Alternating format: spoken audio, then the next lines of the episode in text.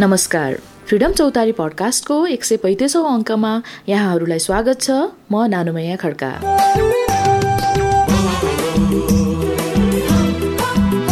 मे three अर्थात् तिसौँ विश्व press स्वतन्त्रता दिवसको सबैमा हार्दिक शुभकामना।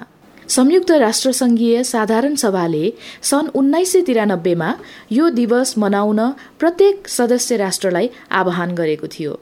यो वर्ष पनि विश्वव्यापी रूपमा यो दिवसलाई shaping a future of rights freedom of expression as a driver for all other human rights अर्थात् अधिकारको आगामी बाटो अभिव्यक्ति स्वतन्त्रता सबै अधिकारहरूको वाहक भन्ने नाराका साथ मनाइँदैछ।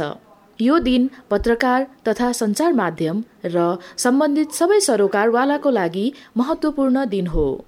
विभिन्न राष्ट्रिय तथा अन्तर्राष्ट्रिय सङ्घ संस्थाले यस दिनमा प्रेस तथा अभिव्यक्ति स्वतन्त्रता सम्बन्धी वार्षिक प्रतिवेदन पनि सार्वजनिक गरेका छन्।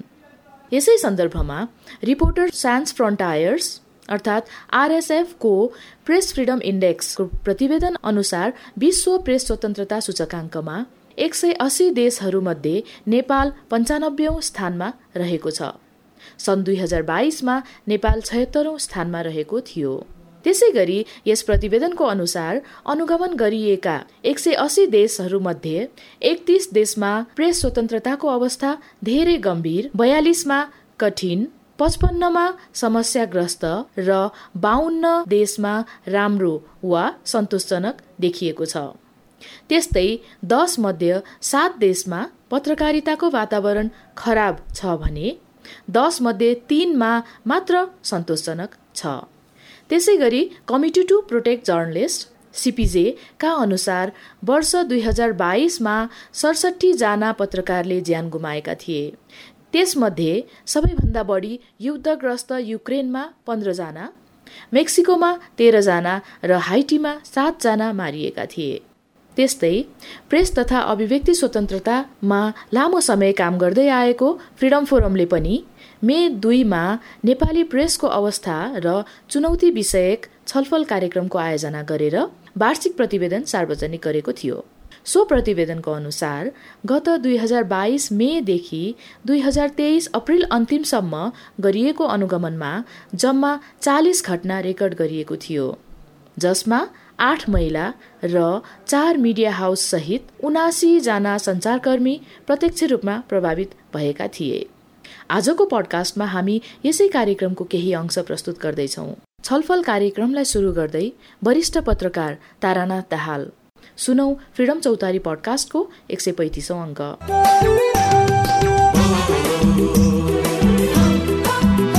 यो वर्ष विश्व प्रेस स्वतन्त्रता दिवसको तिसौँ वर्ष पनि हो र संसारभरि नै thirtieth world press freedom day भव्यसँग चाहिँ मनाइँदैछ।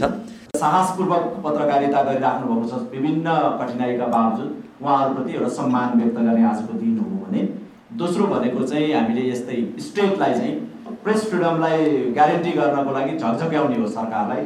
कर्तव्य सम्झाउने हो। तिम्रो कर्तव्य हो यो प्रेस फ्रिडमलाई चाहिँ सुनिश्चित गर्ने वातावरण उपयुक्त दिने भनेर ऐन कानुन बनाउनेदेखि लिएर अरू कुरामा स्टेटलाई चाहिँ मोर रेस्पोन्सिबल बन्नको लागि दबाव अथवा अभिप्रेरित गर्ने भने तेस्रो भनेको चाहिँ हामी आफैले सेल्फ रिभ्यू गर्ने हो कि हामी कहाँ छौँ र हाम्रोमा के सुधार जरुरी छ के कमी छ जसले गर्दा प्रेस फ्रिडममाथि हामी आफैबाट पनि च्यालेन्जहरू बढिरहेछौँ भन्ने कुराहरू रियलाइज त्यसलाई रिभ्यू गर्ने रियलाइजेसन गर्ने र सुधारको कमिटमेन्ट गर्ने। यो तिनवटा उद्देश्यको लागि नै वास्तवमा यो विन्डर कन्फरेन्स जुन नाइन्टी वानमा भएको थियो अफ्रिकाको त्यो कन्फरेन्सले चाहिँ एउटा डिक्लेरेसन गर्यो र प्रेस फ्रिडम डे सुरु भयो।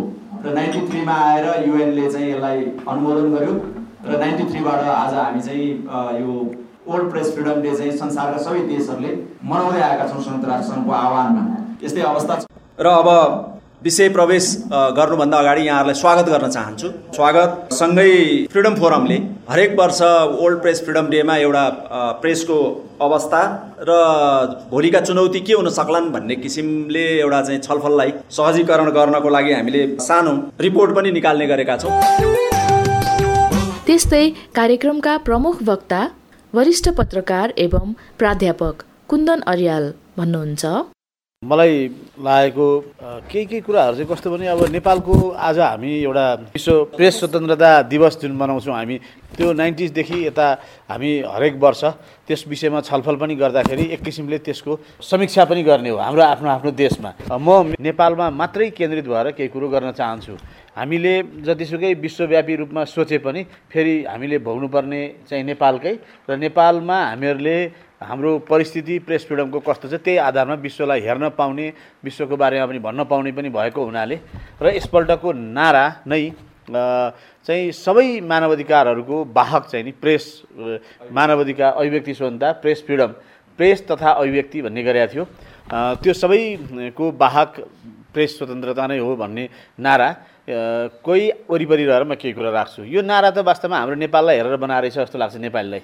किनकि हामीले यो भन्ने गरेको खास गरी छयालिस सालभन्दा अगाडिको समयमा यही नै भन्ने गरेको थियो ठ्याक्कै। यही भएर नै हो छयालिस सालभन्दा अगाडि हाम्रा जति पनि प्रेस फ्रिडमका एक्सर्साइजहरू भए ती चाहिँ यो वा त्यो पार्टीसँग नजिक भएर नै पत्रकारिताको भयो। किनभने त्यो बेलामा पत्रकार हुनलाई पत्रकारको सबैभन्दा गुणको क्षमताको कुरा गर्ने हो भने पुलिस आउँदाखेरि पनि नडराउने भोलि पर्सि पुलिसले पक्रेर लग्यो भने पनि नडराउने अथवा चाहिँ लगेर छिँडीमा रोकिदियो भने पनि जहाँसुकै पुलिसले लगेर थुन्यो भने पनि नडराउने। सबै सम्पादकका चाहिँ अफिसमै घरमै एउटा गुन्टा तयार गरेर राखेको हुन्थ्यो। हामीले त त्यो गुन्टावाला अलिक परेनौँ हामी हामीलाई आउँदैन थियो त्यति पक्रिन पनि हामी भर्खर भर्खर सिक्ने थियौँ। तर हाम्रो अग्रजहरूलाई मैले देखेको छु गुन्टा तयार हुन्थ्यो कुनै पनि बेला पुलिसले लैजान्थ्यो। त्यो चाहिँ पत्रकार हुने सबभन्दा ठुलो गुण थियो। नभए त्यो बेलामा व्यावसायिकताको मात्रै कुरा गर्दाखेरि अथवा पत्रकार असाध्यै राम्रो लेख्ने असाध्यै इन्टेलेक्चुअल असाध्यै विश्लेषण गर्ने दार्शनिक खालको मान्छे मात्रै भएर पुग्दैन थियो। किन त्यो मान्छे यदि मुख्य कुरो चाहिँ पुलिससँग डराउँछ भने काम थिएन पत्रकारिताको। त्यो त्यो पत्रकारिता यहाँ आयो। र त्यसैले त्यो पत्रकारिता थियो के थियो भन्दाखेरि हरेक पञ्चायतलाई पहिला अन्त्य गर निरङ्कुशताको अन्त्य गर अनि मात्रै अभिव्यक्ति स्वतन्त्रता र प्रेस फ्रिडम आउँछ भनेर। त्यहाँबाट हामीले नब्बेको परिवर्तन देख्यौँ। नब्बेको परिवर्तनमा हाम्रो त्यो बेलाको एक्टबार थियो त्यो। पहिलेको प्रकाशन प्रेस तथा छापा छापाखाना प्रकाशन ऐनमा एउटा के थियो भने अब पञ्चायतको विरुद्धमा राजपरिवारको बारेमा के के के के लेख्यो भने जेसुकै भए पनि पत्रिकाको दर्ता सर्ता पनि खारेज गरिदिने प्रेस पनि जफत गरिदिने। तर अर्को कुरो डेन्जर के थियो भन्दाखेरि प्रेसै नआउने राम्रो प्रेसै नआउने। एउटा जनक शिक्षा सामग्री सरकारी भएर आयो गोर्खापत्रको भएर आयो अरू त लगानी गर्न प्रेसमा आउँदै नआउने। कन्फिस्केटेड हुन्छ जफत हुन्छ भनेपछि कसले लगानी गर्ने? कसैले पनि गर्दैन थियो।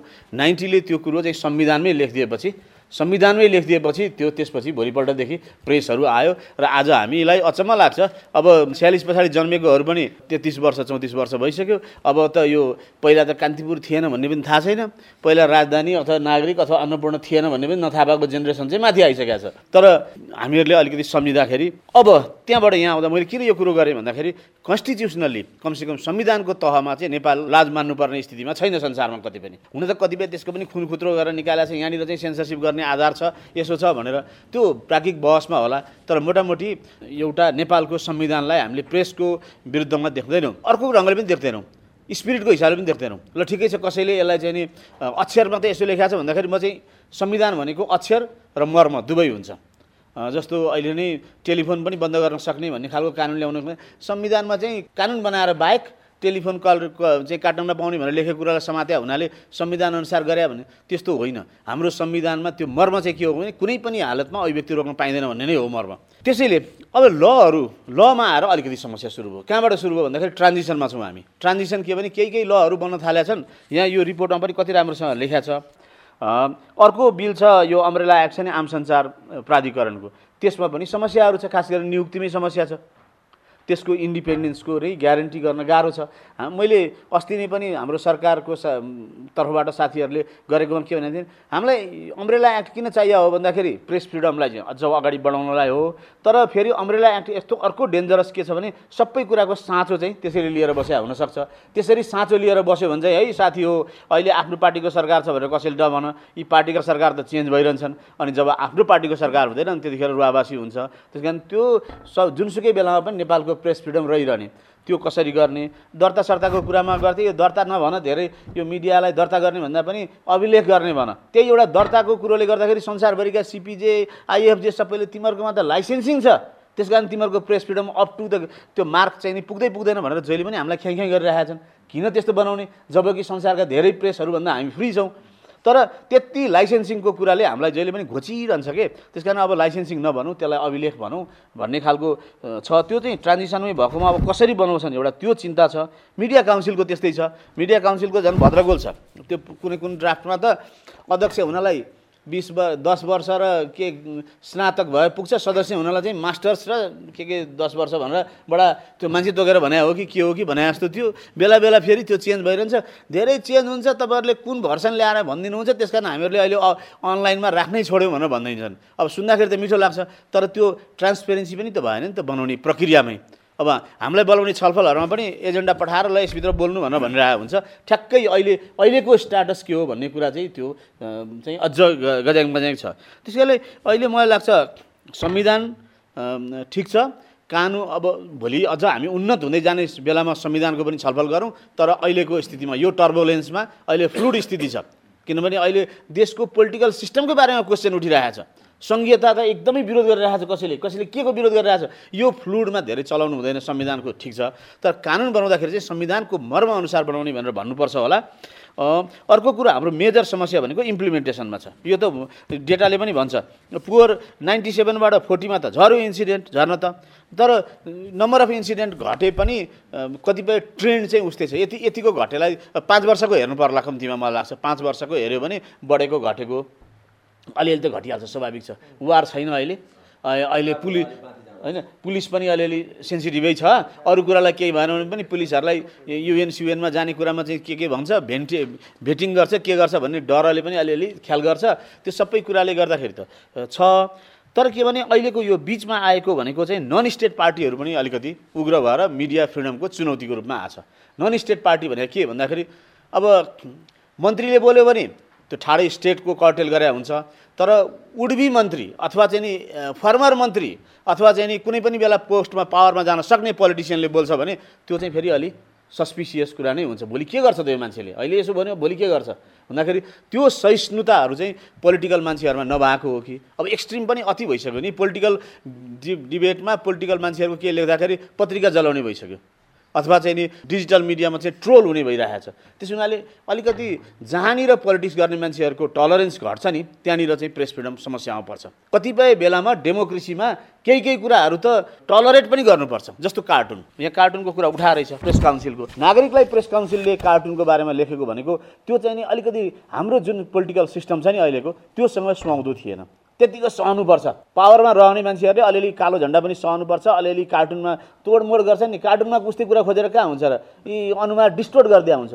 त्यो ठ्याक्कै नाक त त्यस्तो हुँदैन नि त। ठ्याक्कै मुख पनि त्यस्तो हुँदैन ठ्याक्कै आँखा पनि त्यस्तो हुँदैन। तर डिस्टोर्सन त कार्टुनमा कार्टुनलाई कार्टुन भनेरै मान्छेले बुझ्छ। त्यस कार्टुन बनायो अब मुख्य कुरो कार्टुनमा चाहिँ नि त्यो पब्लिक डिस्कोर्समा नआएको विषय अथवा इन्डिभिजुअल कसैलाई अथवा जात जातिको हिसाबले अथवा जेन्डरको हिसाबले महिला भनेरै भोच्याएर केही गर्छ भने त्यो एकदमै वर्जित हुन्छ कार्टुनमा पनि।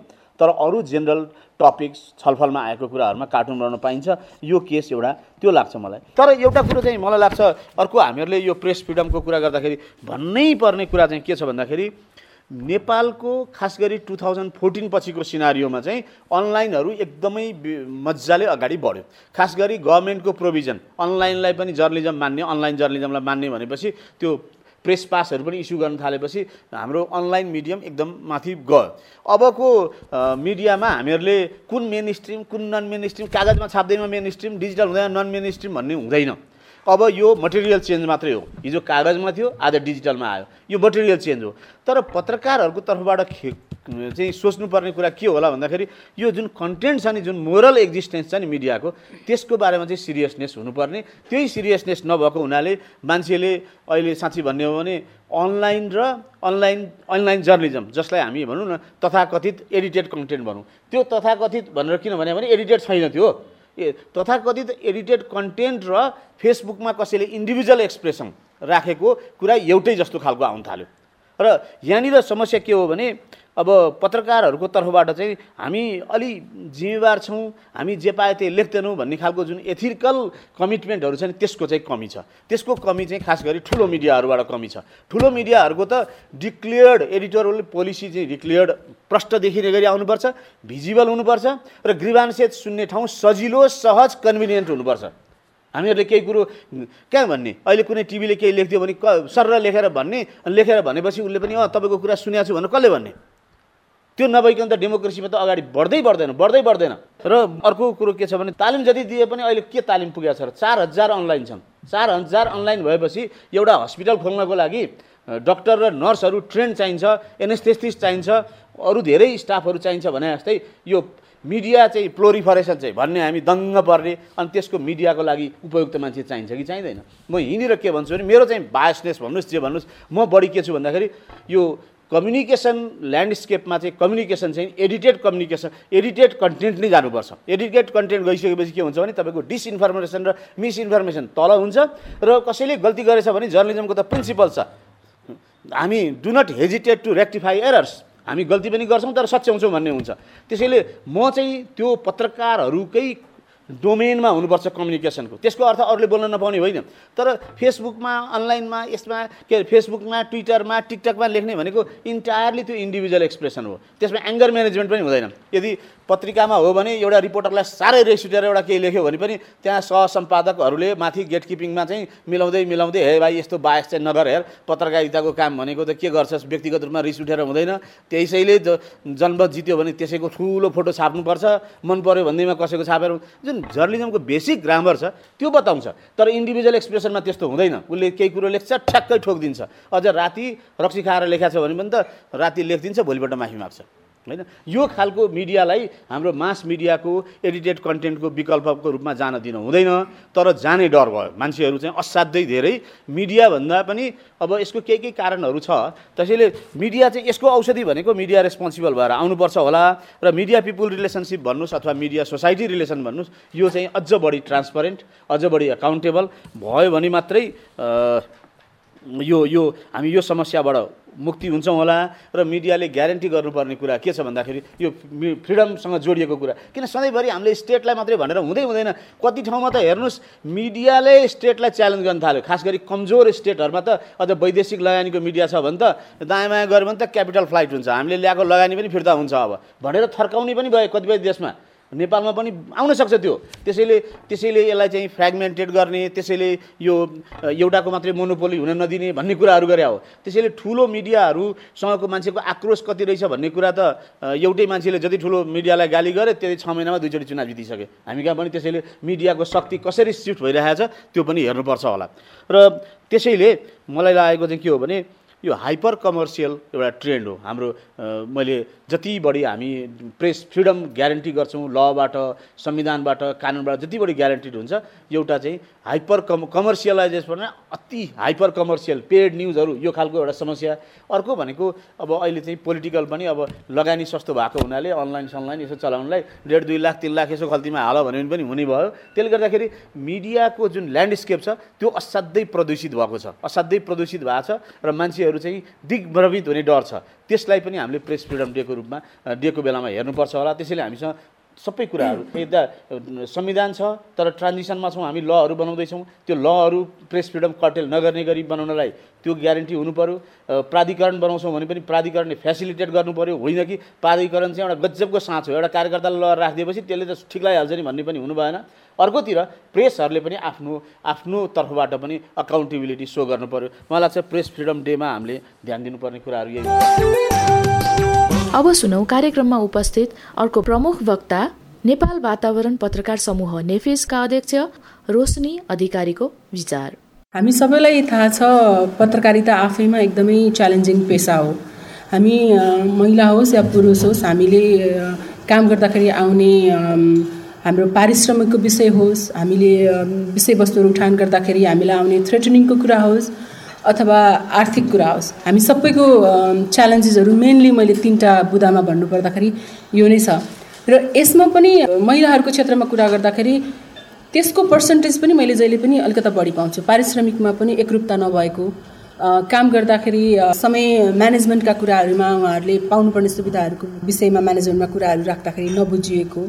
र विशेष गरी अनलाइन अफलाइन जुनसुकै मिडियामा काम गरिराख्नु भएको स्ट्रेन्जर साथीहरूको झनै अर्को समस्या के भन्दाखेरि न्युज लेखेर पठाउँदाखेरि न्युज चाहिँ पब्लिस नहुने। र न्युज पब्लिस भएको बेसिसमा चाहिँ उहाँहरूले स्यालेरी पाउने।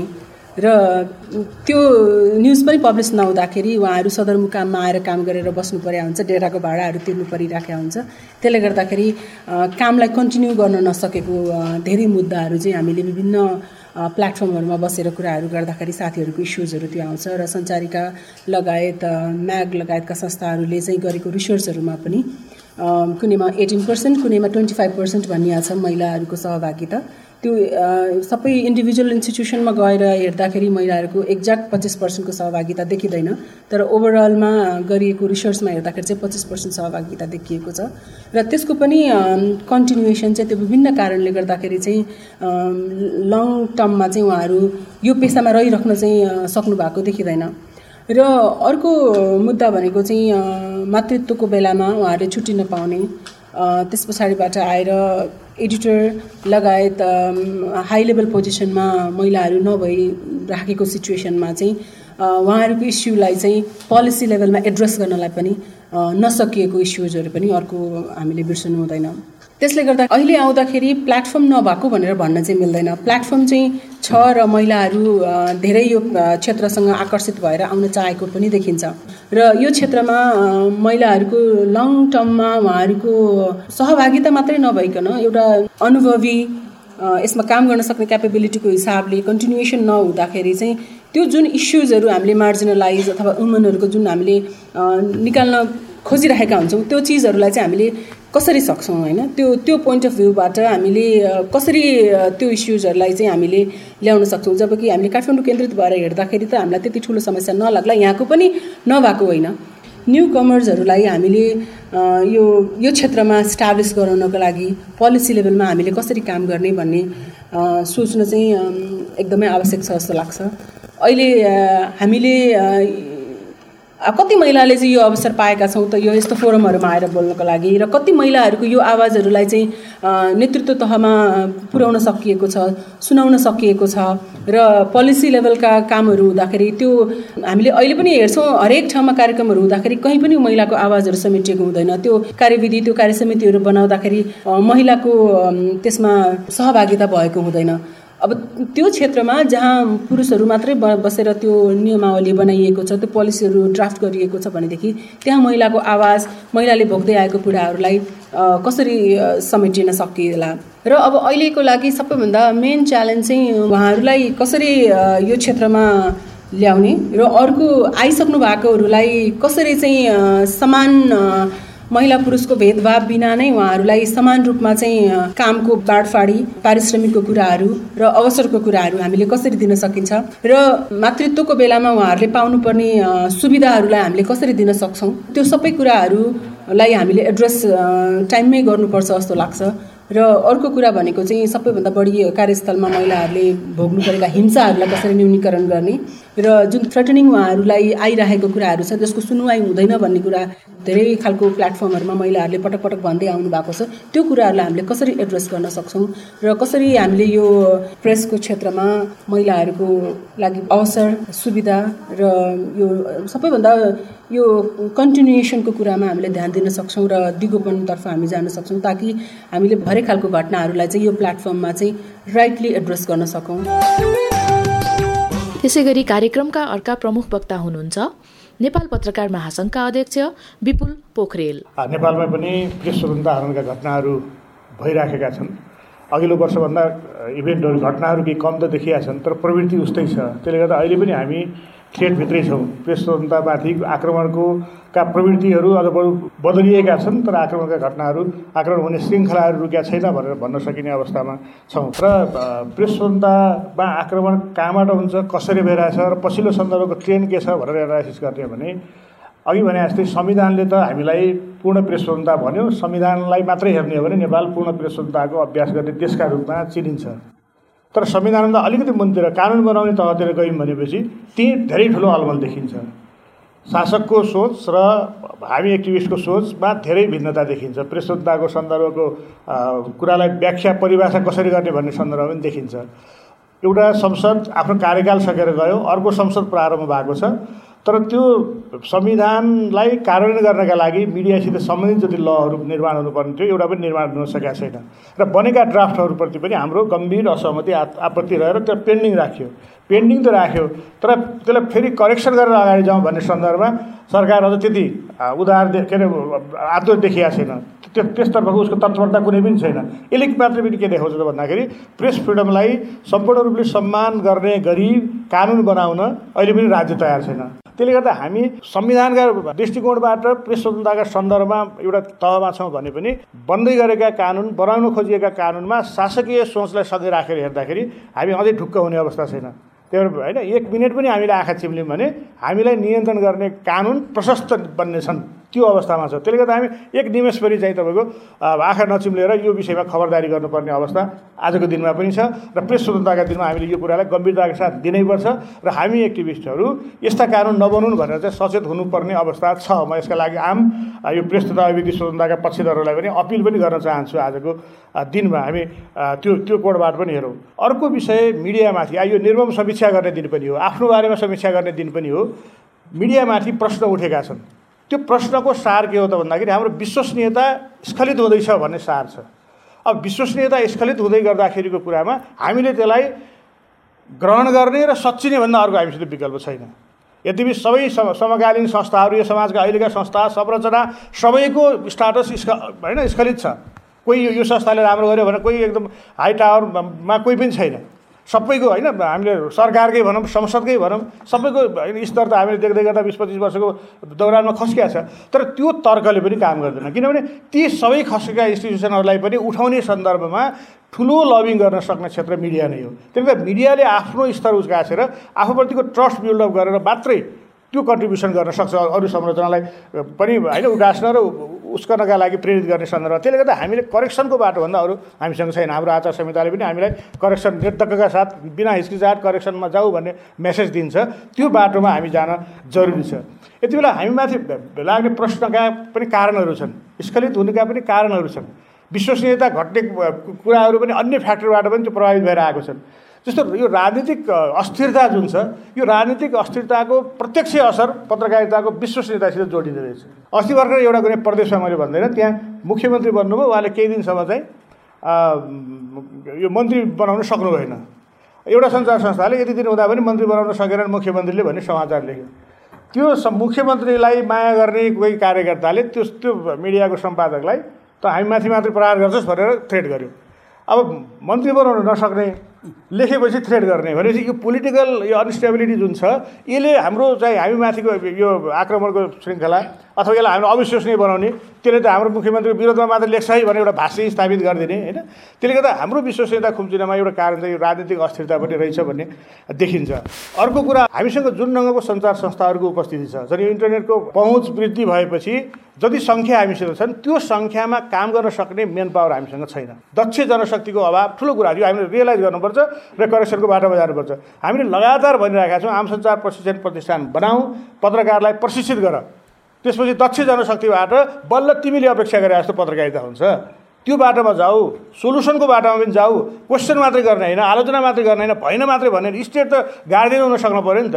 खै त मैले मलाई अब यो फर्दर यो नयाँ टेक्नोलोजीबाट पत्रकारिता गर्ने ट्रेनिङ चाहियो भनेर म उभियो भने मलाई कसले ट्रेनिङ दिने हो कहाँनिर दिने हो म कहाँ जाने हो त्यसका लागि भन्नका लागि। त्यस्तो त्यस्तो संरचना बनाउने सन्दर्भमा पनि राज्यको उदासीनताले गर्दाखेरि काम गरिरहेको छ र आवश्यक उपलब्ध जनशक्तिको अभावले पनि हामीलाई चाहिँ एउटा समस्या पाइरहेको छ हाम्रो विश्वसनीयता वृद्धि गर्न नसक्ने सन्दर्भमा पनि दक्ष जनशक्ति हामीसित छैन। त्यस्तै श्रमजीवी ऐनको कार्यान्वयन हुन नसक्नु यो हाम्रो ठुलो च्यालेन्ज छ। होइन? महासङ्घले त हामी भन्न थालेका छौँ कि के कार्यान्वयन गरौँ होइन भने कार्यान्वयन किन हुन सकेको छैन समीक्षा गरेर त्यसलाई करेक्सन गर संशोधन गरौँ। हामीसँग त्यो त्यो किन भएन भन्ने पनि अब एकाउन्नदेखि यहाँसम्म आउँदाखेरि त अब किन कार्यान्वयन गर्न सकेनौँ भन्ने त अब आधार त हामी फाइन्ड आउट गर्न सकौँला नि त।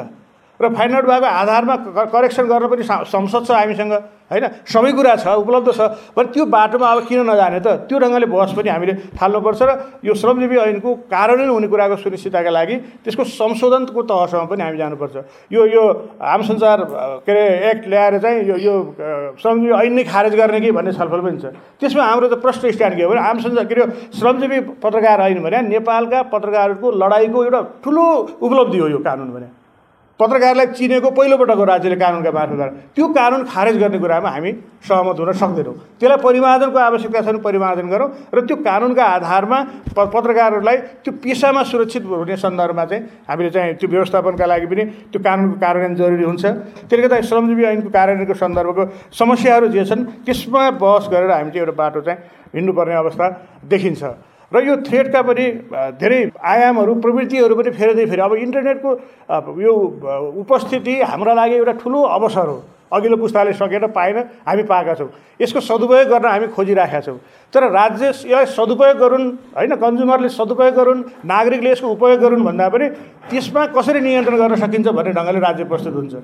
इन्टरनेट प्रयोग गर्ने कर्ताहरूलाई प्रेरित उत्साहित गर्ने होइन कि डिस्करेज गर्ने ढङ्गका उसका पोलिसीहरू देखिन्छन्। यो अवसरलाई यो उपलब्धिलाई यो संसारसँग साक्षात्कार गर्न सक्ने इन्टरनेटको जुन पहुँच छ यसलाई सुरक्षित गर्ने सन्दर्भमा पनि काम गर्न जरुरी देखिन्छ। खास गरी यसको बढी प्रयोग मिडियाकर्मीहरूले गर्ने भएको हुनाले यसमा हामी पनि गम्भीर हुन जरुरी छ। यसको एउटा के अरे इन्टरनेटको प्लेटफर्मबाट काम गर्दाखेरि यो के अरे यो खतरा त्यहाँ त्यहाँभित्रका चुनौतीहरूलाई सम्बोधन गर्ने सन्दर्भमा पनि राज्यको नीति र कानुन त्यसका लागि जरुरी छ भने यसले अर्कोतर्फ हिंसा पनि त्यही ढङ्गले बढाएको छ।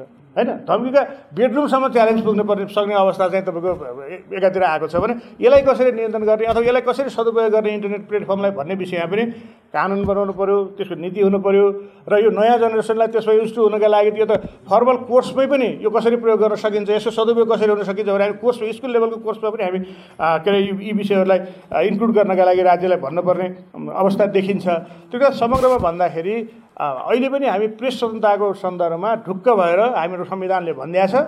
होइन के अरे टेलिफोन बन्द पनि नगर्ने भनेको छ दर्ता खारेज पनि नगर्ने भनेको छ पूर्ण प्रेस स्वतन्त्रता छ भनेर ढुक्कसित बस्ने अवस्था छैन। अब यो यो त स्टेटको कुरा हो भने इन्ट्रेस्ट ग्रुपहरूको फरक छ। पोलिटिकल पार्टिजहरूको फरक छ। अहिले पत्रकारलाई जति गाली गर्न सक्यो त्यति भोट बढ्छ कि भन्ने जस्तो एउटा त्यो मनोविज्ञान पोलिटिसियनहरूमा बढ्न थालेको छ। विश्वसनीय पत्रकारिता गर्ने सङ्कल्प आज हामीले विश्व प्रेस स्वतन्त्रता दिवसका दिन गर्न जरुरी छ केही टेक्निकल कुराहरू हुने रहेछन्। अघि यो दर्ता खारेज नगर्ने भनेर संविधानले भन्यो। अनि कानुन बन्दै गर्दाखेरि यो दर्ता कुरा चाहियो अन्त छैन हामीले त्यही ढङ्गले लबिङ गर्ने। अनि त्यहाँबाट ब्युरोक्रेटले के भन्छ रहेछन् भने हजुर संविधानमा दर्ता खारेज नगर्ने छ। अभिलेख गरियो भनेर लेख्नुभयो त संविधानले त अभिलेख त खारेज गर्न दिने भयो नि त भोलि। त्यस दर्ता शब्द त राख्नुपर्छ हजुर भनेर चाहिँ सल्लाह हुन्छ है। टेक्निकल्ली होला पनि हो पनि बोलिदियो होइन दर्ता पो खारेज नगर्ने गरिरहेको छ। यो पत्रिका त अभिलेखित मात्रै छ। अभिलेखबाट हटाइदिनु भनेर अदालतले भन्छ कि? होइन। त्यसले त यस्ता कुराहरू पनि हामीले चाहिँ होइन कसरी कहाँ एड्रेस गर्ने कसरी सम्बोधन गर्ने भन्ने सन्दर्भमा पनि समस्या आउने थियो त्यस कारण त्यो दर्ताको कुरा त्यो तर्क कता कता ठिकैको जस्तो पनि लाग्यो त्यति बेला त्यो छलफलमा। होइन। अब दर्ता त्यो त्यसले दर्ता अनिवार्य बनायो कि बनाएन? होइन? भन्ने कुराको बहस अर्को अर्को कोणबाट होला? यी यी मसिना कुराहरूमा पनि हामीले हेरेर नेपालको प्रेसलाई प्रेस फ्रिडम दिएको दिनमा हामीले चाहिँ यो असुरक्षित छ। भन्ने कुराको त महसुस सधैँ गरेर नै हाम्रा इभेन्ट मुभमेन्टहरू अगाडि बढ्नुपर्छ सम्पूर्ण रूपमा सुरक्षित छौँ भनेर त कुनै पनि सोसाइटीमा त्यस्तो महसुस गरिएको छैन होला जस्तो लाग्छ। तर हामी चाहिँ संविधानको स्पिरिट अनुसार कानुन बनिराखेका छैनन् भन्ने कुरामा हामी गम्भीर हुन जरुरी छ। त्यस्तै हाम्रो हामीप्रतिको प्रश्न विश्वसनीयताका सवाल उठ्या छन्। त्यसलाई करेक्सन हुनुपर्छ भने दुईवटा पाटोमा चाहिँ हामी यति बेला अत्यन्त गम्भीर हुन जरुरी छ भन्ने मलाई लाग्छ। आजको दिनमा हामीले यही कमिटमेन्टका साथ नेपाली पत्रकारिताको मार्गलाई अगाडि बढाउने सङ्कल्प सङ्कल्प गर्नुपर्छ भन्ने लाग्छ र दण्डहीनता सबभन्दा चुनौतीको कुरा प्रेस फ्रिडममा आक्रमण गर्नेहरूलाई फरक कानुन बनाएर दण्डित गर्ने हो कि? यो चलिरहेका कानुनहरूले एड्रेस गर्न सकेनन् कि? यी लेन्दी प्रोसेस भयो कि भन्ने लाग्छ। त्यसले गर्दा यो यो यो दण्डहीनतालाई चाहिँ अन्त्य गर्नका लागि के गर्ने भन्ने सन्दर्भमा पनि हामीले बस गर्नुपर्छ भन्ने मलाई लाग्छ। मलाई फरक कानुनले प्रेस स्वतन्त्रता भने व्यक्तिसित जोडिएको कुरा होइन। यो समग्र अभियान मुभमेन्टसित नागरिकको मौलिक अधिकार सूचना प्राप्त गर्ने अधिकार त्यसले गर्दा त्यो अधिकारमाथि आक्रमण त्यो अधिकार प्रवाहको प्रोसेसमा अवरुद्ध गर्नेहरूलाई चाहिँ फरक कानुन बनाएर चाहिँ कारवाहीमा चाहिँ लगिहाल्नुपर्छ कि भन्ने जस्तो पनि मलाई लाग्छ। यो बहस पनि आजको दिनमा हामीले प्रारम्भ गरौँ। अब सुनौ नेपालमा सुशासनको क्षेत्रमा काम गर्दै आएको गोगो फाउन्डेसनका कार्यकारी अध्यक्ष केदार खड्कालाई। अब यो स्थितिमा हेर्दाखेरि चाहिँ बिस्तार बिस्तार हेऱ्यो भने सिभिकसको रिपोर्टिङ अहिले आएको छ कि नेपालको एसोसिएसन राइट चाहिँ अब्सट्रक्टेड छ भनेर आउने बित्तिकै मिडियाको पनि अब्सट्रक्टेड भयो। अब्सट्रक्टेडमा छौँ हामी सिभिल सोसाइटीको पनि अब्सट्रक्टेड सिचुएसनमा छौँ भन्ने पनि देखिन्छ। अहिले यहाँहरूले एउटा हेर्नु होला बिस्तार बिस्तार नेपालमा सिभिल सोसाइटी अर्गनाइजेसन्सहरू डिलिस्टिङ हुन थालेका छन्। अहिले पछिल्लोपल्ट हेर्नु होला मिडियालाई त्यति धेरै आक्रमण गर्दाखेरि हामीले पापडको रूपमा जुन किसिमको एक्टिभिजम थियो जुन किसिमको ट्रस्टहरू थियो पछाडि पछाडि अहिले स्खलित हुँदै गएको देखिन्छ भने त्यो सिभिल सोसाइटी मिडियामाथि आक्रमण हुँदाखेरि सिभिल सोसाइटी कसले चाहिँ बोल्यो कसले त्यो त्यो त्यसलाई प्रतिकार गर्यो भन्ने लाग्दैन। जस जसलाई आक्रमण भएको थियो उनीहरूले एडिटोरियल लेखेर आफ्नो असन्तुष्टि पोख्यो होला आर्टिकल लेख्यो होला। तर समग्रमा सिभिल सोसाइटीले मिडिया मिडियाको प्रोटेक्सनको लागि आवाज उठाएको। एटलिस्ट मैले चाहिँ त्यो थोर बहुत आएको छ तर त्यो ग्राभिटी रूपमा चाहिँ आएको चाहिँ मैले देखेको छैन। भन्दाखेरि हामीले कता कता चाहिँ सिभिल सोसाइटी र मिडिया एक अर्को पनि परपीडक भएको चरित्रको विकास गर्न खोजेको हो कि? हामीहरूले कता कता यो मिडिया प्रेस फ्रिडमको कुराको कुरा गर्दाखेरि हामीले मिडिया र सिभिल सोसाइटीलाई फेरि पनि सँगसँगै लानुपर्ने वातावरण आएको छ नभए भने हामी गोदी मिडिया नेपालमा सुरुवात भइसकेको छ र त्यो आगामी दिनमा अझ बढ्ने सम्भावना मैले देखेको छु। यस दिनको विषयमा कलमनिस्ट अर्थात् वरिष्ठ खोज पत्रकार नम्रता शर्मा भन्नुहुन्छ। यो वास्तवमा तपाईँले सुरु गरेकै थिमबाट हेर्ने हो भने हाम्रो काम यही हो। है? अब अहिले पनि पहिला पनि वर्ल्डमा भएका अनियमितताहरूलाई बाहिर निकाल्ने काम हाम्रो थियो छ र हुन्छ पनि। तर म भर्खर भारतमा गएँ। वर्ल्डको one of the oldest and biggest democracy भनेर चिनिने देशमा अहिले आफ्नै साथीहरू त्यहाँका एकदम अहिले प्रख्यात पत्रकारहरूसँग कुरा गर्दाखेरि केन आई कोच यु भन्ने बित्तिकै Namrata I think you have to think twice त्यो बेला आइसकेको छ। तर भन्दा भन्दै पनि उनीहरूले लेखिरहेछन् बोलिरहेछन् समातिरहेछन् मारिरहेछन्। हाम्रो देशमा हामी मारिएका छैनौँ। हामीले लेखिरहेछौँ तर त्यो लेखेकोले लेख्दा लेख्दै पनि देशमा भएको दण्डहीनता इम्प्युनिटी चाहिँ नि झन्झन गरिए गहिरिएर गइरहेको छ है? पहिला हामीले पञ्चायतकालमा पत्रकारहरू हुनुहुन्थ्यो गुन्टा बाँधेर बस्नुहुन्थ्यो तर लेख्न छाड्नुहुन्न थियो अहिले पनि लेख्न नछाड्ने जति हामीमाथि लान्छना लगाए पनि पत्रकारहरू त छौँ तर साइकोलोजिकल फियर चाहिँ नि एकदम आइरहेको छ यो तथ्याङ्कमा कुटपिट थ्रेटन र रोक्न सक्ने कुराहरू देखिन्छ तर त्यो मानसिक थ्रेटन चाहिँ नि यहाँ नदेखे पनि त्यो हामीले बुझ्नुपर्छ।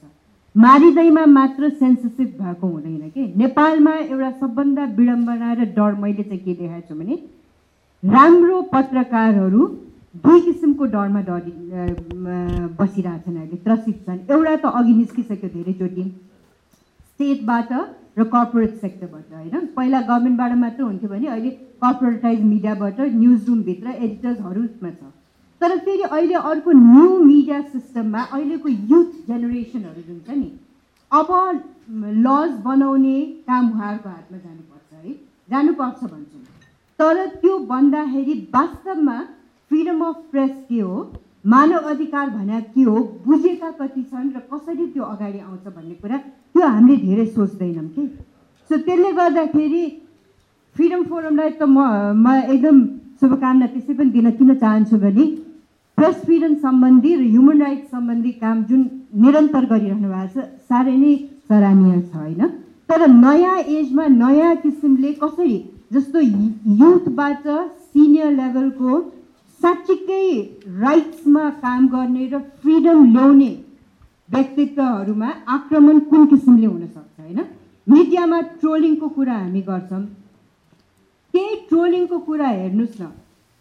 चाहे त्यो युएसएमा होस् भारतमा होस् या हाम्रै देशमा होस् कस्ता ट्रोलिङ एक ठाउँमा छ भने कस्तो न्युज चाहिँ नि बढी सर्कुलेट हुन्छ र कसको लागि फाइदा भइरहेछ है? तर रियल वर्किङ जर्नलिस्टहरू जसले साँच्चीकै फ्रिडम अफ ह्युमन बिङ हरेक इस्युमा पोलिटिक्स इकोनोमिक हरेक सोसल हरेक इस्युमा निकाल्नु खोजेको छ त्यो आर्टिकल्सहरूलाई अगाडि कसरी ल्याइएको छ या ल्याइएको छैन?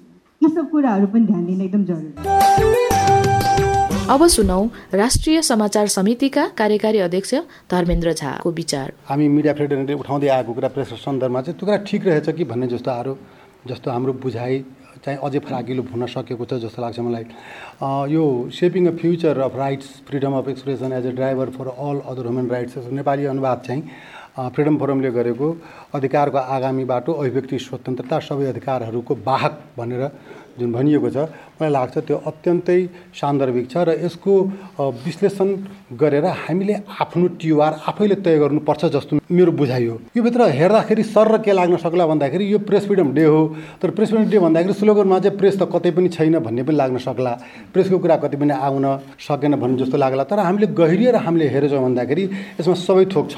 सबै थोक छ। नेपाल युएनको सदस्य राष्ट्र हो। नेपाल युडिएचआरको सिग्नेटरी कन्ट्री हो नेपाल आइसिसिपिआरको सिग्नेटरी कन्ट्री हो र यो दुइटैको आइसिसिपिआर युडिएचआरको हामीले आर्टिकल नाइन्टिनको विश्लेषण गर्न हामीले विश्लेषण गऱ्यौँ भनेदेखि चाहिँ त्यहाँ सम्पूर्ण कुरो छ। अभिव्यक्ति स्वतन्त्रता आयो। अभिव्यक्ति के को अभिव्यक्ति? निश्चित रूपमा विचारको अभिव्यक्ति हो। विचारको निर्माण कहाँबाट हुन्छ? निश्चित रूपमा सूचनाबाट हुन्छ। सूचना प्राप्त नगरिकन विचारको निर्माण हुन सक्दैन। र त्यसरी निर्माण गरिएको विचार चाहिँ अभिव्यक्त त गर्ने अभिव्यक्त कहाँ गर्ने त? सार्वजनिक रूपमा अभिव्यक्त गर्ने माध्यम के हो त? भन्दाखेरि निश्चित रूपमा प्रेस हो त्यो। भन्दाखेरि प्रेस सुरक्षित रहेपछि मात्रै जनताका अभिव्यक्ति स्वतन्त्रताको कार्यान्वयन हुन सक्ने हो र अभिव्यक्ति भइसकेपछि अभिव्यक्ति गर्न सकिसकेपछि मात्रै एउटा व्यक्तिले चाहिँ सम्पूर्ण ढङ्गको अधिकारको उसको चाहिँ सुरक्षा हुन सक्ने भयो भन्ने खालको कुरा। त्यसले गर्दाखेरि घुमाउरो पाराले भनेको के छ भन्दाखेरि प्रेसकै स्वतन्त्रता हो। प्रेसलाई के छ भन्दाखेरि हामीले अहिलेको अवस्थामा हेर्ने हो भने प्रेसलाई साझा र स्वतन्त्र मञ्चका रूपमा हामीले विकास गर्न सकेको सकेनौँ सकिरहेका छौँ कि छैनौँ र त्यतातिर अनु त्यतातिर उपयुक्त वातावरण वातावरण छ कि छैन भन्ने कुरा हो। त निश्चित रूपमा हामीले हाम्रो डकुमेन्टहरूको विश्लेषण गऱ्यौँ भन्दाखेरि संविधान मैत्रीपूर्ण छ। संविधानको प्रस्तावनामै पूर्ण प्रेसको कुरा उल्लेख भएको छ। धारा के छ भन्दाखेरि संविधानको धारा सत्रको दुईको क हामीले हेऱ्यौँ भने अभिव्यक्ति स्वतन्त्रता सुनिश्चित भएको छ। हामीले उन्नाइस हेऱ्यौँ भने सम्पूर्ण खालको के छ भन्दाखेरि सञ्चारको हक त्यहाँनिर व्यवस्थित भएको छ। धारा के छ भने सत्ताइसको कुरा गर्नु सूचनाको हकको कुरा छ। अठाइसमा गोपनीयताको हकको कुरा छ। भने समस्या कहाँनिर छ त? समस्या निश्चित रूपमा पनि इम्प्लिमेन्टेसनमा छ। इम्प्लिमेन्टेसनकै समस्या हो कार्यान्वयनकै समस्या हो। त्यो कार्यान्वयनमा को को लागेका छौँ को को लाग्नु परेको छ? र ती सबैले के छ भन्दाखेरि प्रोपर ढङ्गले हामीले काम गर्न सकेका छौँ कि छैनौँ। खबरदार एनएचआरसी जस्ता खबरदारी गर्नुपर्ने निकायहरूले कन्ट्रोल मेकानिजममा काम गर्नुपर्ने निकायले काम गर्न सकेका छ सकेका छौँ कि छैनौँ। हामी प्रेसर ग्रुपहरूले काम गर्न सकेका छौँ कि छैनौँ। मलाई लाग्छ आज मूल्याङ्कन गर्ने मूल्याङ्कन गर्ने बेला हो। जहाँसम्म वातावरणको कुरा छ वातावरण उपयुक्त वातावरण निर्माण गर्ने कुरा चाहिँ मलाई लाग्दछ तिन चारवटा कुरा चाहिँ महत्त्वपूर्ण छन् जस्तो लाग्छ मलाई चाहिँ। भएका कानुनहरू के छ भन्दाखेरि प्रेस स्वतन्त्रता अथवा अभिव्यक्ति स्वतन्त्रतालाई कार्यान्वयन गर्न सघाउ पुग्ने कानुनहरूको निर्वाध कार्यान्वयन हुन सक्नुपर्दछ। आवश्यक थप कानुनको निर्माण हुन सक्नुपर्दछ होइन? र यो बहुलवादी समाज वा हाम्रो बहु बहुलवादी समाजबारेको स्वीकारोक्ति हुनुपर्दछ। होइन? मलाई लाग्दा चाहिँ यी केही उपायहरू छन् जसका आधारमा के छ भन्दाखेरि हामीले उपयुक्त वातावरण चाहिँ निर्माण गर्न सघाउ पुग्छ। उपयुक्त वातावरण कसरी निर्माण गर्ने त? निश्चित रूपमा पनि राज्यले नेतृत्व लिनुपर्ने होला। हामीले पनि होस्टमा हैसियत त गर्नुपर्ने हुन्छ। हामीले पनि के छ भने प्रेसर त गर्नुपर्ने हुन्छ। तर हाम्रा कुरा नै कतिपय सन्दर्भमा चाहिँ बाझिएका कुरा छन्। प्रेस स्वतन्त्रतालाई व्याख्या गर्ने सन्दर्भमै पनि समस्या हामीमाझ पनि छ। हामीले आफूले गर्न सक्यौँ। राम्रो कुरा हुन्छ अरूले त्यसलाई चाहिँ विरोध गर्न सक्छ। अलिकति प्रेस स्वतन्त्रता भन्दा पनि अब हामी मिडियामा काम गर्ने साथीहरूले भन्दाखेरि अब सम्पादकीय स्वतन्त्रता र न्युज रुमभित्रको बारेमा पनि छलफल चलाउनु जरुरी छ अब। न्युज रुमको प्रक्सिमिटीको बारेमा पनि हामीले कुरा गर्न जरुरी छ अब। हामीले के छन् यत्रो कुरा गरिरहँदाखेरि चाहिँ इन्क्लुसिभ मिडियाको कुरा गर्ने कि नगर्ने अब। इन्क्लुजन त्यो इन्क्लुसिभ कन्टेन्टको बारेमा हामीले छलफल चलाउने कि नचलाउने अब। हाम्रो न्युज रुमभित्रको इन्क्लुसिभ के छ भन्दाखेरि मेन पावरको बारेमा कुरा गर्ने कि नगर्ने अब। होइन यी कुराहरू नभइकन यी कुराहरू नभइकन त मलाई के लाग्छ भन्दाखेरि मिडिया एउटा के छ भने कमन प्लेटफर्म हुन सक्दैन बन्न सक्दैन। कमन प्लेट आखिर कमन प्लेटफर्म बनाउने काम कसको त? हाम्रो हो। त्यसैले जबसम्म कमन प्लेटफर्मका रूपमा मिडिया मिडिया डेभलप हुन सक्दैन तबसम्म के छ भन्दाखेरि प्रोपर ढङ्गले अभिव्यक्ति स्वतन्त्रताको पनि संरक्षण हुन सक्दैन भन्ने मलाई लाग्दछ। यतातिर हामी के छ भन्दाखेरि सबैजना लागौँ। तर सारमा के हो भन्दाखेरि चाहिँ हामीले आफ्ना बारेमा पनि विश्लेषण गर्न सक्नुपर्छ। भन्छन् के भन्दाखेरि अरूलाई औँला उठाउन सजिलो छ आफैप्रति औँला फर्काउन गाह्रो हुन्छ भन्ने खालको कुरा छ। सबभन्दा सजिलो उपाय के हो भन्दाखेरि सबभन्दा सजिलो काम के हो के हो अरे भने अर्काको आलोचना गर्नु। होइन? तर आफ्नो आफ्नो आलोचना आत्मालोचना चाहिँ बडा गाह्रो हुन्छ। म आजको दिनमा प्रेस स्वतन्त्रता हामी मनाउँदै गर्दाखेरिको दिनमा हामी हाम्रा पाटाबाट पनि हामीले आफ्नो कामको बारेमा मूल्याङ्कन गरिदिउँ। त्यसै गरी राष्ट्रिय मानव अधिकार आयोगका प्रवक्ता खिमानन्द बस्याल भन्नुहुन्छ। सत्तालिस पछाडि आइसकेपछि हामी जसरी मिडियाको कुरामा चाहिँ आयौँ र चाहिँ स्वास्थ्य शिक्षाको विषय पनि नेपालमा अलिक बढी र एउटा सञ्चारको कुरा हामीले सहज महसुस गरे पनि होला। त्यो चाहिँ संविधान सत्तालिसको पछि चाहिँ अलिक खुलेर आउन पाए। र यसमा सँगसँगै पछिल्लो समय चाहिँ यो बिजनेस एन्ड ह्युमन राइट्सको र ह्युमन राइट्स ड्यु डेलिजेन्स यसको चाहिँ हाम्रो अहिले यो देख्दा मलाई खुसी पनि लाग्यो। हामी आगामी दिशा चाहिँ राइट्सहरूको आगामी दिशा कस्तो हुने र चाहिँ यो ह्युमन राइट्सको चाहिँ वाहक नै यो फ्रिडम अफ एक्सप्रेसन हुने भन्ने चाहिँ कुराले त्यो पनि खुसी लागेको र फेरि ठोकिन्छन् फ्रिडम अफ एक्सप्रेसन र ह्युमन राइट्सका कुराहरू सँगसँगै ठोकिन्छन्। यी हामीले काम गर्दै जाँदाखेरि सर्भिस सेक्टरमा आउने कुराहरू ग्रेभेन्सेसहरू ह्यान्डलिङका लगायतका कुरामा र हामीले ह्युमन राइट्स ड्यु डिलिजेन्सको कुरामा कतै जोड्न सकिन्छ कि अब हामीले त्यता पनि सोच्न पर्ने हो कि होइन? त्यो भित्रका कुराहरू हुनसक्छ रेगुलेसन गर्नेमा। त्यहीँभित्र अब एफएनजे होला एफएनजे सँगसँगै अब हाम्रो प्रेस काउन्सिल नेपालको कुरा होला तिनका रोलहरू कहाँ कता होलान्। त्यो भित्रैका कुराहरूलाई एफएनजेले चाहिँ अलिक बढी गर्न सक्छ होला कि जस्तो लाग्छ। अलिक सजिलोसँग इन्फर्मल सेक्टरको हिसाबले पनि भनिन्छ। र यो ट्रान्सनल जस्टिसको कुरामा हामीले कति गर्न सक्यौँ भन्ने एउटा चाहिँ डाटामा हामीले चालिसवटा इन्सिडेन्ट्समा पहिला पचपन्न थियो लास्ट इयरकोमा अहिले चालिसमा भयो र नाइन्टी सिक्स पर्सेन्ट्सबाट सेभेन्टी नाइन पर्सेन्ट्समा चाहिँ अलिकति आयो भनेपछि हाम्रो यसको ट्रेन्ड कम्तीमा पाँच वर्षको हेर्न पर्थ्यो होला भने जस्तै। यो नम्बरमा डिक्रिज भएको देखिन्छ। अब त्यसको चाहिँ नेचर र सिभिरिटी के छ फेरि एउटै घटना पनि त्योभन्दा बढी डर लाग्दो पनि हुनसक्छ कहिलेकाहीँ त्यसको स्ट्रेन्थ र वेटेज तर पक्कै पनि हो द्वन्द्वकालको अवस्थादेखि आएर हेर्दाखेरि अहिले चाहिँ ती सङ्ख्याहरूमा कम भएको छ। थ्रेड्स र घटनाहरूमा कतिपय किलिङका केसेसहरू हामीले पनि हेरेका थियौँ र सिफारिस पनि गरेका थियौँ मानव अधिकार आयोगले यद्यपि त्यसको चाहिँ कुराहरू कार्यान्वयन के कति भए त्यो अहिले पनि प्रश्न चिन्ह हुनसक्छ। र यहाँको रिपोर्टमा देखिएको कुराहरूमा सरकारले अहिले एउटा दिशामा चाहिँ यो ट्रान्सनल जस्टिसको अमेन्डमेन्ट बिलको होइन त्यो पास गर्न खोज्दैछ। यद्यपि त्यसलाई इन्टरनेसनल ह्युमन राइट्स स्ट्यान्डर्ड र सुप्रिम कोर्टको जजमेन्टको आधारमा चाहिँ त्यसलाई मिलाउनु पर्छ भन्ने पनि छ। र एउटा आरटिआई र ट्रान्सपेरेन्सी एफओई होइन फ्रिडम अफ एक्सप्रेसनलाई राख्ने। र हामीले चाहिँ आरटिआई र ट्रान्सपेरेसन ट्रान्सपेरेन्सीको कुरा कतिसम्म जान सकिन्छ भनेर हेर्दाखेरि त्यसले ह्युमन राइट्समा परिपालनमा चाहिँ हामीले इन्जोय गर्न सक्ने नागरिक सामाजिक अधिकार र इएससी राइट्सहरूका पार्टहरू अहिले चाहिँ छन्। यद्यपि चाहिँ अब प्रोग्रेसिभ रियलाइजेसनका कुराहरू गर्छ आर्थिक सामाजिक सांस्कृतिक अधिकारमा राज्य बलियो हुनुपर्छ दह्रो हुनुपर्छ अनि मात्रै गर्न सकिन्छ अथवा संविधानमा मौलिक हकमा धेरै अधिकारहरू छन्। ती कुराहरूको इन्जोयमेन्ट चाहिँ हुन सकेका छैन। त्यसमा पनि हाम्रो अभिव्यक्ति स्वतन्त्रता अथवा मिडियाले नै त्यो घटनाहरू ल्याउँछ। मानव अधिकार आयोगलाई पनि धेरै इन्फर्मेसनहरू दिने काम मिडियाले गर्थ्यो। हामीले चाहिँ सुमोटोको आधारमा मिडियामा आएका कुराहरूलाई लिएर पनि उजुरीको रूपमा ग्रहण गरेर सिफारिस गर्ने गर्थ्यौँ। यी समग्र विषयहरू धेरै छन्। मानव अधिकारको विषय र अभिव्यक्ति स्वतन्त्रता एक आपसमा असाध्यै परिपूरक रूपमा आउँछन्। अब सुनौ डिजिटल राइट्स नेपालका अध्यक्ष सन्तोष सिगदेललाई। अलिकति ट्रेन्डहरूको कुरा गर्दाखेरि प्रेस काउन्सिल नेपालले बिचमा थुप्रै मिडिया उसले मानेका अथवा उसले नमानेका दर्ता भएका अथवा नभएका अनलाइनहरूलाई चाहिँ ब्लक गर्नु भनेर नेपाल टेलिकम अथोरिटीलाई रेकमेन्डेसन गरेको छ। प्रेस फ्रिडमलाई हेर्ने हो भने त्यो एउटा मेजर ट्रेन्ड हो त्यसको बारेमा त्यति धेरै क्लियरली आएको छैन। हामीले प्रेस काउन्सिल नेपाललाई त्यो जुरिस्टिक्सन छ कि छैन उसले जुरिस्टिक्सनभित्र बसेर चाहिँ नि ए साइटलाई चाहिँ ब्लक गर्नु भन्ने रेकमेन्डेसन गरिरहेछ कि छैन भन्ने कुरा पनि छलफल गर्न जरुरी छ। त्यसपछि गएर नेपाल टेलिकम अथोरिटीले फेरि आइएसपिजहरूलाई यो साइट नेपालमा एक्सेस नहुने गरी ब्लक गर भनेर जुन भनिरहेछ त्यो भनेर जुन ब्लक भएको छ त्यसले प्रेस फ्रिडममा पनि फेरि पनि असर पार्छ होला। त्यो भएको छ कि छैन भनेर हेर्ने त्यो छलफल हुन पनि आवश्यक छ। जुरिस्टिक्सनभित्र हो कि होइन? जुरिस्टिक्सनभन्दा बाहिर गएर पावर एक्सर्साइज गरे हो कि होइन भनेर छलफल गर्न जरुरी छ जस्तो लाग्छ मलाई होइन? अनि अर्को चाहिँ नि हाम्रो मिडियाको पछिल्लो चरणमा हेर्ने हो भने गएको एक दुई तिन महिनाको समाचारहरू हेर्ने हो भनेदेखि नेपालमा साइबर अट्याकहरू एकदमै धेरै बढ्दै गयो भनेर भनिरहेछौँ हामी होइन? अनि नेपाली मिडियाको साइबर रेजिलियन्सी के छ त भनेर भनी चाहिँ नि त्यो छलफलहरू त्यति भइरहेको छैन त्यो अनुसन्धानहरू अध्ययनहरू पनि त्यति धेरै भइरहेको छैन होइन? त्यसले गर्दाखेरि नेपाली मिडियाको साइबर रेजिलियन्सी के छ भनेर भन्ने छलफलहरू पनि हुनु जरुरी छ। अनि अलिकति प्रेस फ्रिडमको कुरा गर्दै गर्दाखेरि नेपालमा हामी के भन्छौँ भन्दाखेरि यति मिडिया छन् चार हजारवटा अनलाइन छन् भनिरहेछौँ। चार हजार अनलाइन छन् तर कति बन्द भयो? हामीसँग डेटा छ कि छैन त? चार हजार बन्द खुलेकोमा दुई हजार बन्द भयो कि? ती के कारणले गर्दा बन्द भए? बन्द भएको छन् कि छैनन्? छ भने त्यसको ट्रेन्ड के हो? किन बन्द भएको छन्?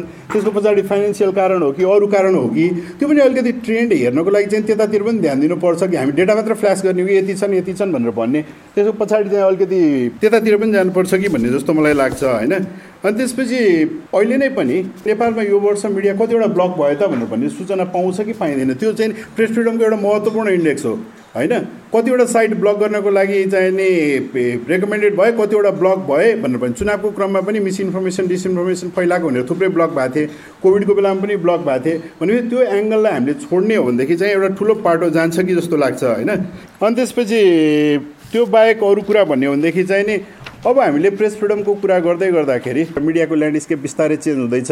अब न्युज पनि पहिला एडिटोरियल कन्टेन्टको कुरा गर्थ्यो अब च्याट जिपिटीबाटै कन्टेन्ट बनाएर न्युज बनाएर चाहिँ हाल्ने खालको अनलाइनहरूको पनि विस्तार हुन सक्ला होइन?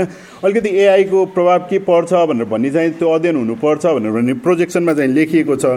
तर त्यो सँगसँगै हाम्रो चाहिँ नि भइरहेको मिडियामा पनि मिडिया मोनोपोली कति छ कुन ग्रुपको मार्केट सेयर कति छ भनेर भन्ने खालको अलिकति हार्ड क्वेसनहरूमा पनि हामी छिर्ने हो कि कतिवटा अट्याक भयो भनेर सफ्ट क्वेसन मात्रै हेर्ने हो। किनभने लङ टर्ममा यो हार्ड क्वेसनहरू पनि इम्पोर्टेन्ट हुन्छ। मिडिया मोनोपोलीमा कसै एउटाले चाहिँ नि कुनै एउटा ग्रुप कुनै एउटा समूहले चाहिँ त्यो नेरेटिभ इस्टाब्लिस गर्नको लागि उनीहरूकै मोनोपोली छ कि त्यो भइरहेछ कि छैन त्यो त्यो भन्ने पनि अलिकति हेर्नुपर्छ जस्तो लाग्छ। सेन्टर फर मिडिया रिसर्चका उज्जवल प्रजापति प्रेस फ्रिडमको कुरा गर्दाखेरि हामीले के लेखिरहेछौँ र विथ इभिडेन्स लेखिरहेछौँ कि छैन भने त्यो चाहिँ क्वेसन गर्नु पर्यो त्यसले गर्दाखेरि त्यो प्रश्न चाहिँ हामीले त्यो लेखिरहेको कुरामा चाहिँ हामीले चाहिँ कुन आधारमा लेखिरहेछौँ हाम्रो कस्तो फ्रेम गरिरहेछौँ त्यो इस्युज भनेको कुरा चाहिँ जर्नलिस्टले चाहिँ त्यो कुरा बुझ्नु पर्यो होइन? तर पत्रकारिता चाहिँ एकदम डेन्जरै पोजिसनमा पुग्यो भनेर चाहिँ म चाहिँ मान्न तयार चाहिँ छुइनँ होइन? तर थ्रेड छ पत्रकारितामा थ्रेड के आधारमा छ भने चाहिँ नयाँ टेक्नोलोजीको थ्रेड चाहिँ छ कि?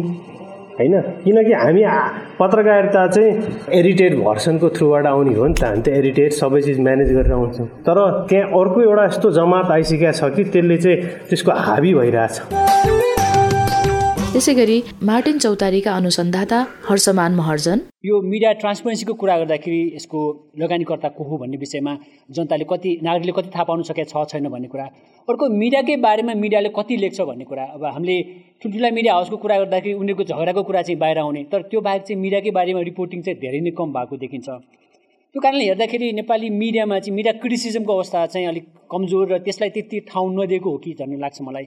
सायद त्यही भएर होला अहिले जुन हामीले ट्रोलिङको कुरा गर्दैछौँ। त्यो ट्रोलिङमा चाहिँ कति मिडिया क्रिटिसिजम हो र त्यो साँच्चैकै गाली गलोच हो भन्ने कुरा पनि हामीले सोच्नुपर्छ कि भन्ने लाग्छ। त्यसै गरी पत्रकार सलोजा दाहाल भन्नुहुन्छ मलाई के लाग्छ भने दुई हजार सात सालदेखिकै आन्दोलनलाई त्यस बेलादेखि अहिलेसम्म हेर्ने हो भने बिचबिचमा आन्दोलनहरू जुन जुन बेला भए त्यस बेला मिडियाहरू अगाडि आए। र त्यो मिडियालाई जसले प्रयोग गरे तिनीहरू नि उनीहरूबाटै मिडियामाथि आक्रमण बढी भएको देखिन्छ। जस्तो छयालिस सालमा जसरी आन्दोलनमा मिडियाहरू आए त्यस पछाडि राजनीतिक दलहरू मिडियामाथि उनीहरूले आक्रमण गरे। बैसठी त्रिसठी साल पछाडि पनि उनीहरूले नै त्यो कानुन नबनाउनेदेखि संविधानमा लेखियो त्यस पछाडि कानुन बनेन। त्यो दलहरूले जसलाई जुन मिडियालाई टेकेर आए त्यही देखिन्छ। पछिल्लो समयमा पनि ठ्याक्कै त्यही देखिन्छ। जो मिडियालाई टेकेर अगाडि आयो ऊ राजनीतिमा आउने बित्तिकै त्यस पछाडि उसले पहिलो आक्रमण कसलाई गर्यो भने मिडियालाई नै गर्यो। भनेपछि उनीहरूले जसले जे प्रयोग गरिरहेका छन् उनीहरूलाई त्यो भित्र के छ भन्ने कुरा थाहा पाएर त्यसको चाहिँ ल्याप्सेस थाहा पाएर त्यो त्यसलाई दुरुपयोग गर्ने काम गरिरहेको छन्। यसमा चाहिँ मिडियाहरू अलिक सजग हुनुपर्ने मलाई लाग्छ। र अन्त्यमा यस कार्यक्रमलाई समापन गर्दै कार्यक्रमका अध्यक्ष हरिविनोद अधिकारी। आजको यो युगमा आउँदाखेरि मलाई लाग्छ हामी धेरै नै अगाडि बढिसकेका छौँ। जति अगाडि बढाएको छौँ त्यति चुनौती थपिएको छ। आजको ठाउँमा आउँदा अब चाहिँ के डर भयो भने हिजो स्टेटसँग डराउँथ्यौँ हामी। आज हामी नन स्टेटसँग डराउन थाल्यौँ। त मानव अधिकारको स्रोत भनेको अभिव्यक्ति स्वतन्त्रता हो। मानव अधिकार भनेको पनि त्यही हो र त्यसैलाई नै आज हामीले पत्रकारिताको हिसाबले चेतना जनता समक्ष चेतना दिने हो। त्यो चेतनाको स्रोत नै अभिव्यक्ति स्वतन्त्रता जुन हो त्यो चाहिँ हामी डराउन थाल्यौँ। डराएकै छौँ। अहिले नेपालको जति स्वतन्त्रता छ त्यो त्यो अरू ठाउँमा नहोला। छैन। र पनि हामी डराइरहेछौँ भनेपछि अरू ठाउँ के अवस्था होला जहाँ हामीले मान्दैनौँ जहाँ चाहिँ डिक्टेटरसिप छ अथवा अर्ध प्रजातन्त्र छ जहाँ भन्छौँ त्यहाँ त झन् के अवस्था होला? गाह्रो छ। अब यति भन्दै म चाहिँ खालि के भनौँ भने आज हाम्रो जुन हाम्रा केही कुराहरू राख्यौँ र यति मात्रै पनि हामी जति छौँ हामी यतिले मात्रै पनि चेतनाको प्रवाह अभिव्यक्ति स्वतन्त्रताको चेतनाको प्रवाह लिएर गयौँ भने अभिव्यक्ति स्वतन्त्रता भनेको मानव अधिकारको मात्रै नभएर पत्रकारिताको मात्रै नभएर सबैको मान्छे बाँच्नका लागि आवश्यक पर्ने कुराहरू जम्मैको लागि जरुरी भएको कुरालाई हामीले यति मात्रैले पनि चेतना दिइरह्यौँ आफ्नो माध्यमबाट र सबभन्दा ठुलो हामी विश्वसनीय भएनौँ पत्रकारिता विश्वसनीय हुन सकिरहेको छैन अहिलेको अवस्थामा। त्यसलाई मनन गरौँ र हामी आफै पनि रियलाइज गरौँ र अरूलाई पनि यसबारेमा जानकारी दिँदै हामीले जे छ तर जनताको पक्षमा बोलिरहने बाचा गरौँ।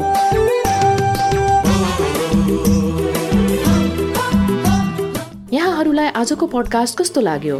आफ्नो प्रतिक्रिया हामीलाई इमेल आइडी फ्रिडम फोरम दुई हजार पाँच at the rate Gmail dot com अर्थात् हाम्रो फोन नम्बर चार दस बिस तिसमा दिन सक्नुहुनेछ।